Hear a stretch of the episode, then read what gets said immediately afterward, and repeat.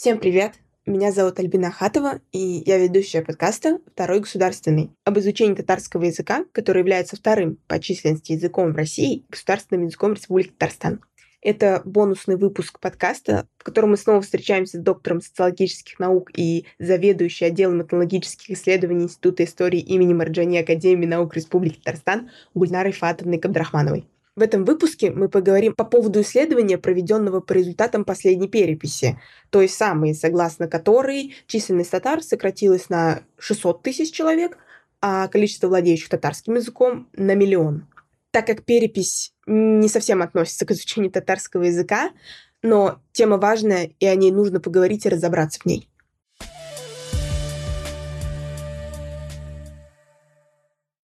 Мне кажется, я ни разу в своей жизни не видел ни одного переписчика, и к нам домой тоже ни разу никто не приходил. Как вообще происходит перепись и какова механика переписи? Вот такой, можно ликбез, пожалуйста, чтобы ну, понимать вообще, как все работает. Давайте начнем с того, что вот эта перепись, последняя перепись в нашей стране, она была нетрадиционной в том смысле, что впервые а, в истории нашей страны ввелась возможность проведения онлайн переписи. То есть можно было через госуслуги зайти на свою личную страничку.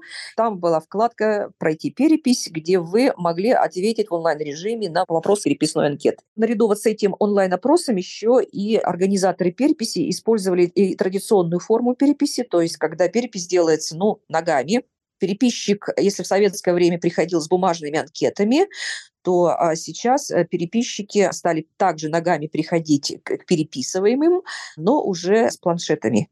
То есть они звонят в дверь и открывают человек, они представляются и начинают задавать вопросы по анкете, отмечать присутствие вот этого переписываемого, все его ответы на планшете. Все это потом стекается в единую базу, которая потом нам дает представление о том, что представляет наша страна в плане численности, национального состава, языкового состава. Я прочитала аннотацию, я так поняла, что основная тема исследования — это то, какие были сделаны ошибки и недочеты в течение последней переписи, потому что она же была как бы проблемная, ну, учитывая то, что это был коронавирусный и посткоронавирусный год. Я как читала в одном вот из интервью э, с вашим участием в том числе, по-моему, это был конспект с круглого стола по поводу переписи. Ну, в общем, о том, что коронавирусная пандемия подкорректировала как бы это чернушно не звучало, во всех смыслах перепись, потому что как бы и намного больше людей умерло от болезни, и то, что очень многие люди просто не открывали дверь переписчикам из страха заразиться, и вот эти все факторы, они, в общем, повлияли на то, что перепись прошла не так, как 10 лет назад. Давайте начнем обсуждать вопрос качества переписи с одной цифры. По результатам Всероссийской переписи населения 2020-2021 годов оказалось, что татар в России стало меньше на 600 тысяч. Конечно, такая цифра вызвала некоторое такое недоумение, мягко скажем, недоумение среди общественников, среди представителей органов государственной власти и управления республики и среди ученых и активно стали обсуждаться причины потерь в численности татар среди вот экспертного сообщества. И надо сказать, что тут а, мнения разделились. Часть экспертов считает, что, как вот и вы, тоже списывают численные потери татар с именно тем, что перепись проводилась в постпандемийный период, и люди боялись открыть на самом деле дверь и боялись заразиться. Ну, отчасти я согласна и с вами, с этой точкой зрения. Но, на мой взгляд, это далеко не единственная причина того, почему татар стало в России меньше. Я как социолог и все мои коллеги давно говорили о том, что, ну и не только социологи, и многие люди, которые включены в вопросы современного развития татар, говорили о том, что, ну давайте будем честными, среди татар идут ассимиляционные процессы. Поэтому какую-то часть татар во время переписи мы потеряли за счет того, что кто-то из татар ассимилировался. Эта тенденция возникла, на наш взгляд, еще в советское время. Особенно это было заметно заметно по такому показателю, как владение татарским языком и признание его родным. Советские переписи послевоенные уже тогда начали фиксировать снижение количества татар, признающих татарский язык родным. И эта тенденция вот этих во всех советских переписях, она усиливалась. Ну, в 90-х годах, напомню, что перепись 89-го тоже это зафиксировала, но наши социологические исследования показывали, что, конечно, на волне роста этнических чувств на рубеже вот 80-х, 90-х годов у татар, как и у других народов нашей страны, конечно, языковой маркер в этнической идентичности есть он усилился, актуализировался. Не будем говорить о том, насколько реально повысилось владение или упало владение татарским языком, но в 2000-х годах мы по нашей социологии видели и перепись 2002-2010 годов показывала снижение числа татар, которые признавали татарский язык родным. На наш взгляд, между переписью 10 и 20 года, который, перепись, которую мы сейчас обсуждаем, вот эта тенденция еще больше усилилась. Еще большее число татар стали признавать татарский язык родным, понятно. Еще большее число татар стало хуже владеть им, и какая-то часть татар стала терять свою этническую идентичность. Это связано с глобализационными процессами, это связано с естественной ассимиляцией татар в русскоязычной среде. Особенно это сильно процессы мы наблюдали в европейской части страны среди татар, живущих в этих регионах, но и также и в Сибири, Дальний Восток, на юге нашей страны увеличилась доля татар с неродным татарским языком. Люди, которые нам во время наших исследований, когда мы подыскивали потенциальных э, участников наших исследований, нам нередко приходилось слышать, э, от нас отмахивались наши потенциальные респонденты, мы хотя знали, что этот человек вот с татарской фамилией, именем, мы думали, что мы с ним поговорим о татарском, но он от нас отмахивался и говорил, что да какой я татарин, во мне татарского разве что фамилия только осталась осталось. Все, ни языка, ни традиций, ничего нет. Вот таких людей, на наш взгляд, становилось все больше. Поэтому, повторюсь, снижение численности татар по переписи 2020 года – это еще и результат вот этой ассимиляции этнической и языковой ассимиляции. Часть татар мы просто потеряли. Это люди оказались без татарского языка и без татарской идентичности. Входит ли вот э, в это понятие ассимиляции и, следовательно, как причина сокращения татар, смешанный брак, когда, допустим, мать русская, отец татарин, и ребенок, он же по сути, ну, наполовину татарин, но он называет себя русским, потому что по каким-то причинам. Вот, это тоже как бы входит в ассимиляцию или это как-то по-другому рассматривается? Да, это тоже ассимиляция, но я хочу вам сказать относительно смешанных браков, вы знаете, мы очень интересную тенденцию заметили в Татарстане по нашим тоже исследованиям, что дети из русско-татарских семей, если в 90-е, особенно в советское время это было явно, действительно выбирали русскую национальность для себя определяли, то вот последние годы а такие дети смешанных браков стали нередко выбирать татарскую идентичность. Именно в Татарстане это подчеркну, потому что очень сильно стала укрепляться региональная идентичность, и быть татарином, быть быть частью татарстанского сообщества для людей это была тоже определенный такой мотиватор для того, чтобы выбирать вот эту татарскую идентичность. Но это в Татарстане, за пределами республики, к сожалению, татары, находясь в меньшинстве и находясь в русскоязычной среде, как правило, теряют этническую идентичность. Довольно часто это происходит, и язык теряют, и это, да, проявление ассимиляции. Но я вот сразу еще не проговорила о том, что Волго-Уральский регион, конечно, заметно отличается от других регионов России в плане сохранения татарскости, татарского языка языка. Все-таки а, татар здесь довольно много в этом регионе. Это республики Поволжья. Прежде всего, нередко татары составляют половину, треть населения в этих регионах, поэтому ситуация в Волгоградском регионе более-менее благополучная. Но татары потерялись э, в численности именно вот за счет других регионов. То есть получается, что в самом Татарстане с численностью и владеющими татарским языком все плюс-минус относительно нормально, но если смотреть вне Татарстана, там стало грустнее. Да, переходим мы к следующей причине, отвечая на ваш вопрос, причине потери численности татар во время переписи 2020 года – это качество ее проведения. Мы с коллегой из Чуваши, это исследователь испанского происхождения, Элос Эктор и Фронт, мы вместе с ним вот сейчас провели анализ результатов этой переписи касаемо именно национально-языковых вопросов, которые задавались во время этой переписи, то есть вопросы о национальности, о владении языками, русским языком, о признании языков родными. И мы выявили одну такую интересную особенность, что вот это качество данных очень сильно варьирует по регионам. То есть если в Татарстане, если мы сейчас о нем говорим, итоги переписи все-таки в целом более-менее качественные, мы заметных сильных отклонений, противоречий не заметили, то в других регионах очень явные были ошибки. Это значит, что э, нам даже потери численности татар очень сложно даже оценить, э, насколько они были реальными в отдельных регионах. Потому что, повторюсь, качество этой переписи в регионах было очень разное. Это очень заметно по цифрам, поэтому по большому счету вот э, доверять данным о численности татар и о владении татарским языком надо очень осторожно. Я вам приведу простой пример. Очень явные ошибки переписи мы обнаружили в республике Коми. В переписных данных по республике Коми отсутствует сведения о родном языке у 25% населения.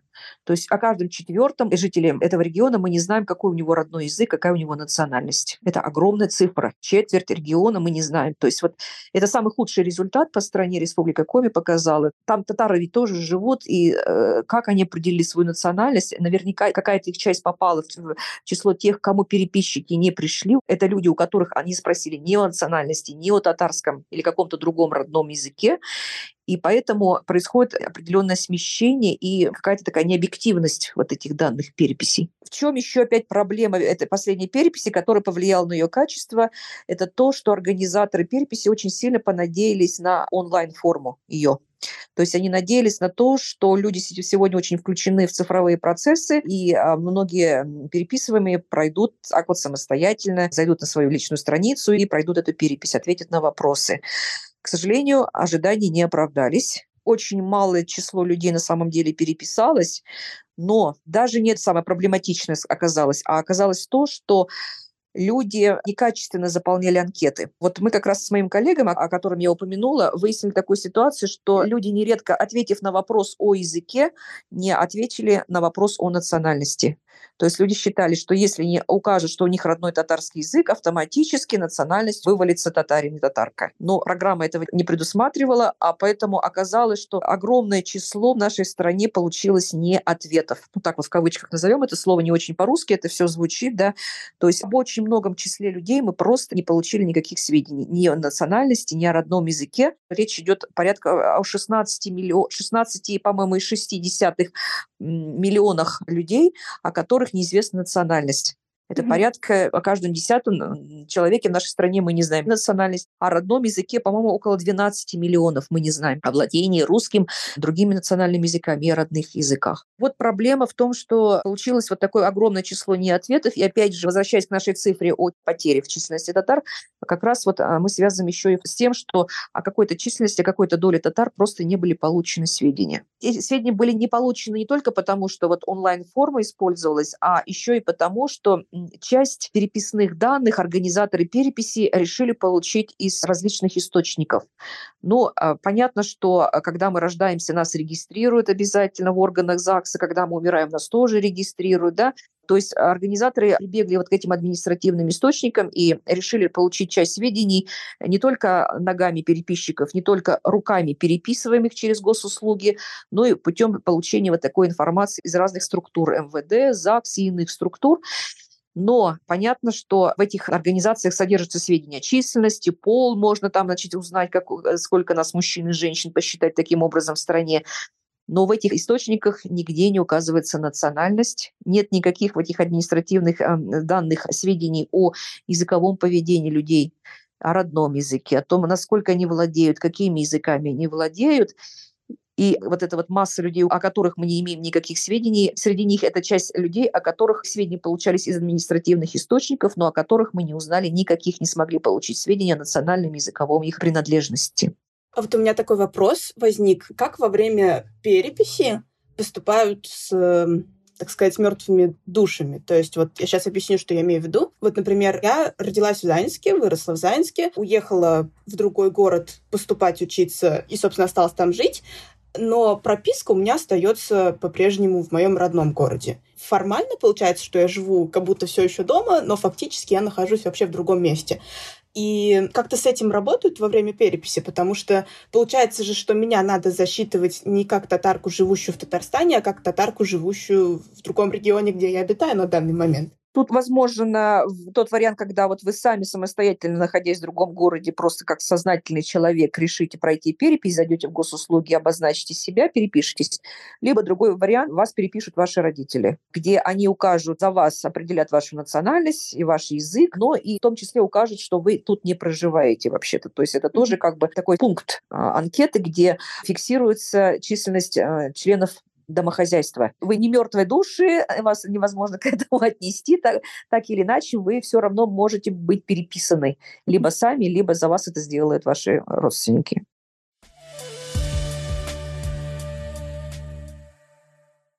Вот конкретно в татар записывают всех. И Кряшинов, и Мишар, и, и другие суб этнические группы. Когда я читала про перепись, которая 20-21 год, что была такая штука, что сибирских татар пытались выделить прям вообще отдельно от всех татар. Что это? Почему это так произошло? Почему не выделили тогда и астраханских отдельно, и оренбургских, и казанских, и мишар? Что это вот? Почему это было? Почему это так произошло? очень большой и сложный вопрос вы сейчас задаете. Можно говорить о нем на самом деле несколько часов. Попробую очень кратко сейчас это я ответить, сформулировать. Давайте, во-первых, начнем с истории и будем иметь в виду о том, что татары как нация сформировались в 19 начало 20 века. Появилась городская культура, появилась письменность, появилась, а, собственная печать, театры и так далее, так называемая высокая культура. И этот процесс охарактеризовался еще и формированием вот этого общего этнического самосознания, общей культуры, традиционной, высокой культуры.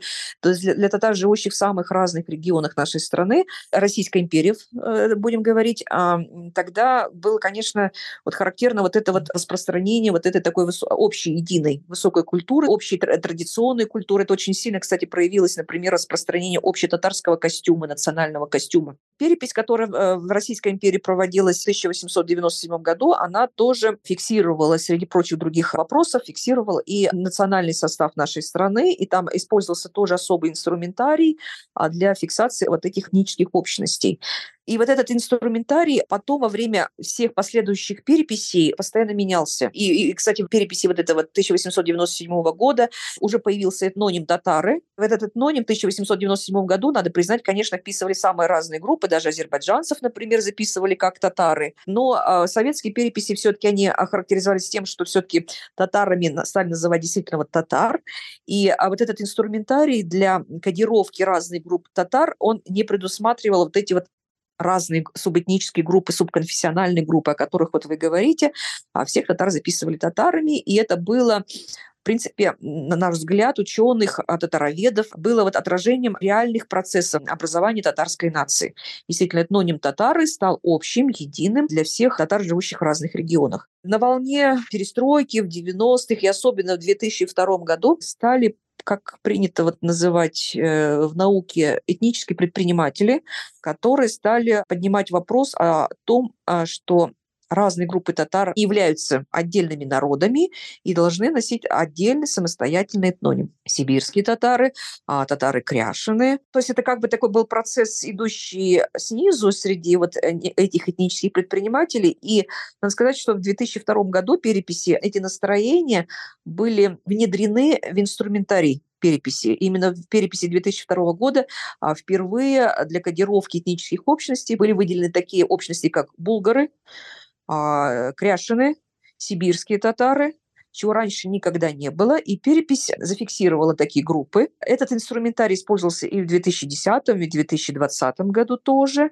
Если посмотреть список национальностей, который есть, кстати, в открытом доступе, уже повесь, повешен, вы увидите, что, да, действительно, в этом списке есть и люди, которые называли себя не, не татарами, называли себя сибирскими татарами, а есть люди, которые называли себя кряшинами, есть люди, которые назвали себя татарами-кряшины, и самые разные вариации. И надо сказать, что вот этот инструментарий с новыми, возьмем в кавычки, этническими общностями, его придумал Институт этнологии и антропологии имени а, Миклуха Маклая, Российской академии наук во главе с академиком Тишковым. По мнению вот этих а, исследователей, очень важно зафиксировать разнообразные, множественные идентичности татар.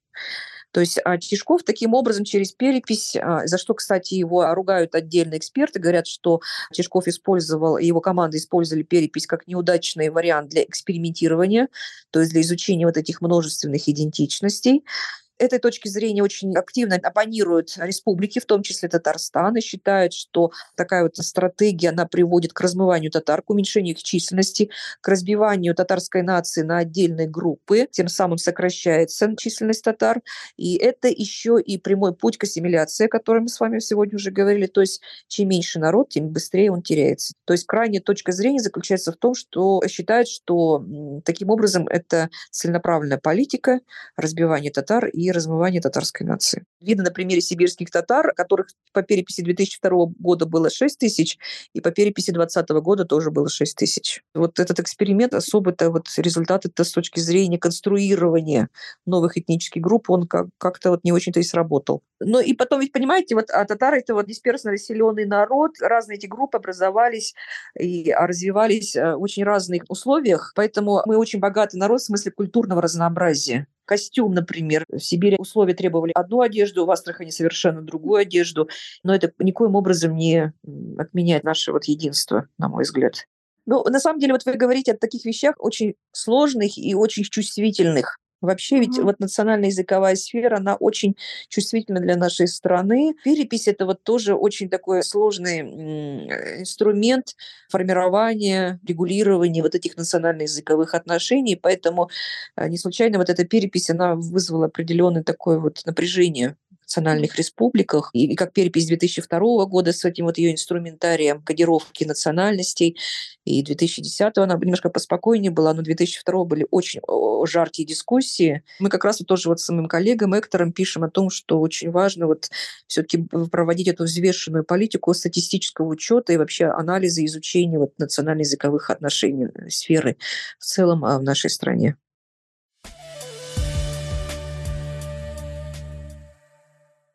Как проводить в дальнейшем переписи так, чтобы вот эту чувствительную материю с языками национальностями связанную, чтобы с этим все было не так, как было в предыдущую перепись. Сейчас на память я вот, к сожалению, не помню, но относительно это недавно был проведен опрос статистических организаций в разных странах по поводу переписи. Ну, переписи ведь вообще как бы это общемировая практика проводит раз в 10 лет для того, чтобы выявить общую мировую ситуацию, сравнить страны друг с другом, и как-то более-менее стараются страны выдерживать вот эту хронологию, проводить примерно переписи в одно время, для того, чтобы сделать сопоставительный анализ. Вот этот опрос статистических организаций показал, что сегодня а, многие страны мира вообще не удовлетворены вот этой традиционной формой проведения переписи. Ногами или онлайн, или неважно в какой форме. Среди причин, которые вот назвали вот статисты, была названа дороговизна, перепись очень дорогое мероприятие, но вы представьте, какую армию переписчиков нужно нанять, оплатить работу, обработать информацию и так далее, и так далее. Но, в общем, колоссальные это расходы ложатся на бюджет разных стран. А, проблема со своей, своевременностью. Давайте вспомним, что наша последняя перепись в нашей стране, она смещалась, если не ошибаюсь, два-то раза точно это как раз из-за пандемии. Все-таки махнули как бы на ситуацию, на вот эту вот э, ковидную и решили провести перепись, хотя это тоже стало одной из причин вот низкого ее качества, которое вот вы э, в начале разговора упомянули. Еще одна была причина названа, это проблемы с конфиденциальностью. То есть многие люди сегодня, конечно, боятся говорить вообще о себе, тем более отвечать на вопросы о материальном положении, о наличии имущества. Некоторые специалисты в нашей стране считают, что какая-то часть россиян вообще не считает нужным называть свою национальность, потому что это, считают, что это частное дело, это очень такое, ну, в некотором смысле даже интимная такая сфера, и э, не хотят обозначать свою национальность незнакомому человеку, который вдруг к ним пришел с улицы, переписчик, я имею в виду, да, для какой-то части людей не имеет национальности никакого значения, и люди считают себя, это молодежь прежде всего, считают себя людьми мира, и воспринимают национальность, национальные языки как архаика. Сегодня вообще во многих странах мира перепись подвергаются ревизии. И а есть таких а, два испанских исследователя, а, Тревинга и Доминго, если не ошибаюсь, правильно, если произношу фамилию, они подготовили очень интересную статью, в которой проанализировали, как проводят переписи в разных странах мира и как меняются разные подходы к вот этому статистическому учету населения. И вот в этой очень интересной статье они прямо на карту положили, сгруппировали эти разные страны и показали, что все больше и больше число стран начинает использовать новые другие формы вот этого статистического учета населения. Общая тенденция заключается в том, что эти вот страны начинают прибегать все более активно а, к использованию административных источников, о чем я вам уже сегодня говорила. Ну, например, а, сведения об имуществе. Зачем их ходить получать, когда это все в нашей регистрационной палате, все это есть, о каждом гражданине нашей страны а, сведения о количестве э, квартир, э, земельных участков и так далее, и так далее. А то же самое, в принципе, более-менее можно посчитать там, ну, я не знаю, доходах или еще каких-то экономических показателях, зарплаты и так далее. Это все уже есть. То есть страны начинают а, все более активно использовать вот эти административные источники. Но в некоторых а, сложных, деликатных вопросах эти страны начинают прибегать к другим методам, в том числе к, к использованию социологии на мой взгляд, для того, чтобы изучать вот эту тонкую, чувствительную сферу национально-языковых отношений в нашей стране, мне кажется, продуктивнее отказаться все-таки от традиционного подхода, когда переписчик приходит или вы через госуслуги сообщаете о своей национальности, а лучше это все-таки научными инструментами изучать этот вопрос с помощью социологии, психологии, политологии, других наук, для того, чтобы дать вот эту объективную картину того, о чем люди думают э, в смысле вот э, своей национальной принадлежности, а, в смысле своих предпочтений в языковой сфере. Вот этот метод, метод точечных исследований по каким-то отдельным вопросам сегодня начинает получать все больше популярность вот в разных странах для того, чтобы получить вот эту статистическую информацию.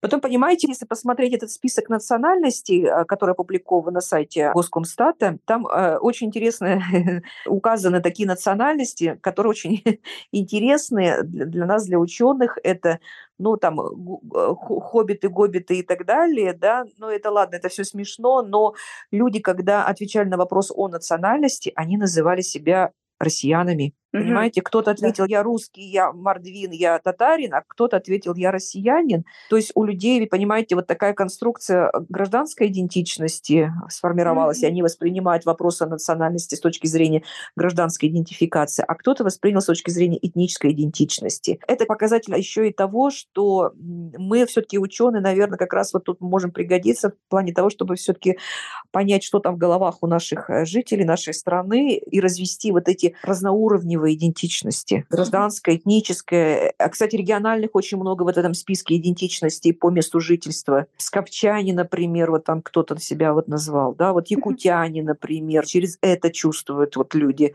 То есть это очень сложный вопрос, который сегодня уже инструментами переписи не изучить. Вот эта перепись в традиционной форме, она уже исчерпала себя. Вот в 21 веке уже она не срабатывает уже так в полной мере вот, вот, вот такой традиционный подход. Когда вот вы сказали про то, что есть вот понимание гражданской этнической идентичности, мне кажется, что это вот тоже на самом деле, ну, даже не в контексте переписи, а вообще тоже такая и болезненная, и сложная, и проблемная штука, потому что что меня лично напрягает, на что обращают внимание этнические активисты сейчас, это то, что когда говорят о россиянах, очень часто используют слово «русские», как бы, ну, не различая вообще-то разницы, которая между этими словами есть. Потому что россияне — это как раз-таки и русские, и татары, и башкиры, и чеченцы, и так далее. А русские — это русские, это отдельное этническое понятие. То есть, например, я россиянка, но я татарка. А другой человек русский, но он россиянин. Вот. И, и мне кажется, что есть вот это осознание российской идентичности именно в том плане, что это разные национальности, связанные одним экономическо-социальным контекстом. И вот есть вот это вот загребание всех под одну гребенку русских. В английском языке есть слово Russians, которое обозначает и россиян, и русских. И одно дело, в английском языке нет этого понимания, потому что англичане не живут с нами и с нами не общаются. Вот. Но мне кажется, что в российском обществе должно быть понимание этого разграничения. Ну, Альбин, давайте начнем с того, что любое современное государство нуждается в соединительной ткани под названием общегосударственная идентичность. Без этого любая страна разваливается, и она не развивается, не интегрируется. Поэтому эта необходимость наличия общегосударственной идентичности, она нужна для нашей страны обязательно. Эта политика в нашей стране проводилась, проводится по формированию и укреплению вот этой вот общероссийской идентичности. А другое дело, что а какие смыслы на самом деле в нее вкладывать, вот, вот эту общероссийскую идентичность. Да, у какой-то части населения есть опасения, ощущение, что она ассоциируется с русской идентичностью. Но, на мой взгляд, э, все-таки очень важно вот при рассмотрении вот этой вот общероссийской идентичности, во-первых, выделять гражданскую составляющую. Желание быть полезным в стране, делать что-то для ее развития и это вещь, которая а, способна объединить представителей самых разных национальностей. И это не только ресурс для межнационального согласия, но это, в конце концов, и ресурс для развития всей нашей страны. Поэтому не случайно это социологи все-таки стараются, придерживаются и говорят о национально-гражданской идентичности в нашей стране. То есть это не только ощущение себя гражданином страны, но это еще и желание э, что-то делать для нее. Что касается культурной составляющей вот этой национальной гражданской идентичности, то, на мой мой взгляд, она для поликультурной, поликонфессиональной страны, как наша Россия, это естественная часть. Я как социолог анализирую разные документы, законы, которые принимаются в нашей стране, а, публичные выступления президента, и вижу, что все-таки в таких вот доктринальных документах, заявлениях как раз э, все-таки продвигается идея о том, что мы, россияне, мы культурно разные, но нас объединяет все-таки общее самосознание. Понятно, что на практике может, э, не, не всегда эти идеи воплощаются, не всегда эти идеи находятся как-то какое-то такое позитивное выражение, но для меня очень важно, что эта идея озвучивается, продвигается в документах, они говорят, и как-то власть стремится ее воплотить. Ну, понимаете, Альбина, вот эта политика, она ведь не делается вот так вот на щелчок пальцами, mm. за 2-3 дня, месяца не сделаешь это. Это сложная да. политика, которая требует, в общем-то... Нескольких лет в лучшем случае. Нескольких лет это изменение документов и изменение общественного сознания, в конце концов, mm-hmm. тоже. Понятно, что когда-то масштабный такой вид приобретет этот смысл, но пока вот, э, пока так.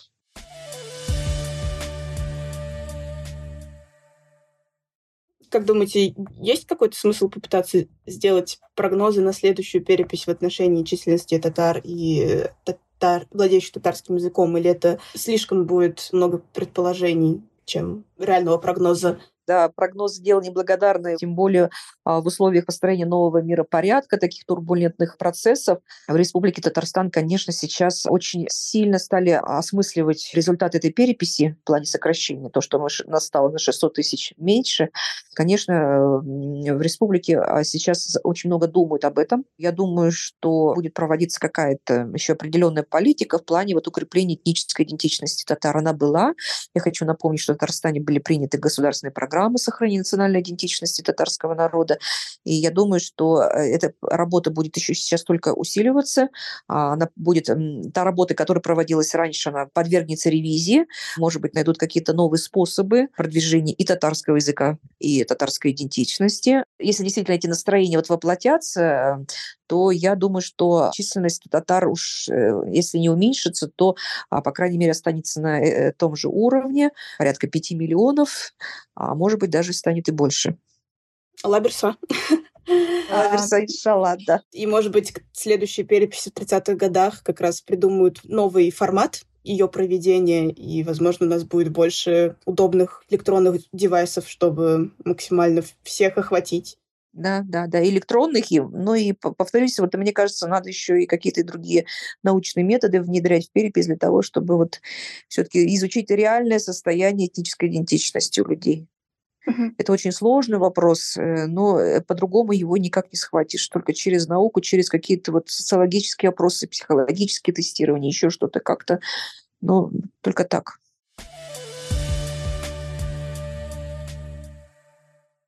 На сегодня это все. Спасибо большое, что слушали. Надеюсь, что для вас это было полезно или важно, или интересно, или все сразу. Вы можете поделиться своими мыслями по поводу этого выпуска либо в отзывах на Apple Podcast, либо писать мне в запрещенный в России и признанный в России экстремистским Инстаграм или в Телеграм-канал. Ссылки на обе соцсети будут в описании подкаста. А также, пожалуйста, ставьте звездочки в Apple Podcasts, а то их там только две, потому что это важно для того, чтобы другие люди тоже смогли этот подкаст заметить и подписаться на него. И вы тоже, кстати, подписывайтесь, чтобы не пропустить следующие выпуски. Спасибо большое, что слушали, и всем пока!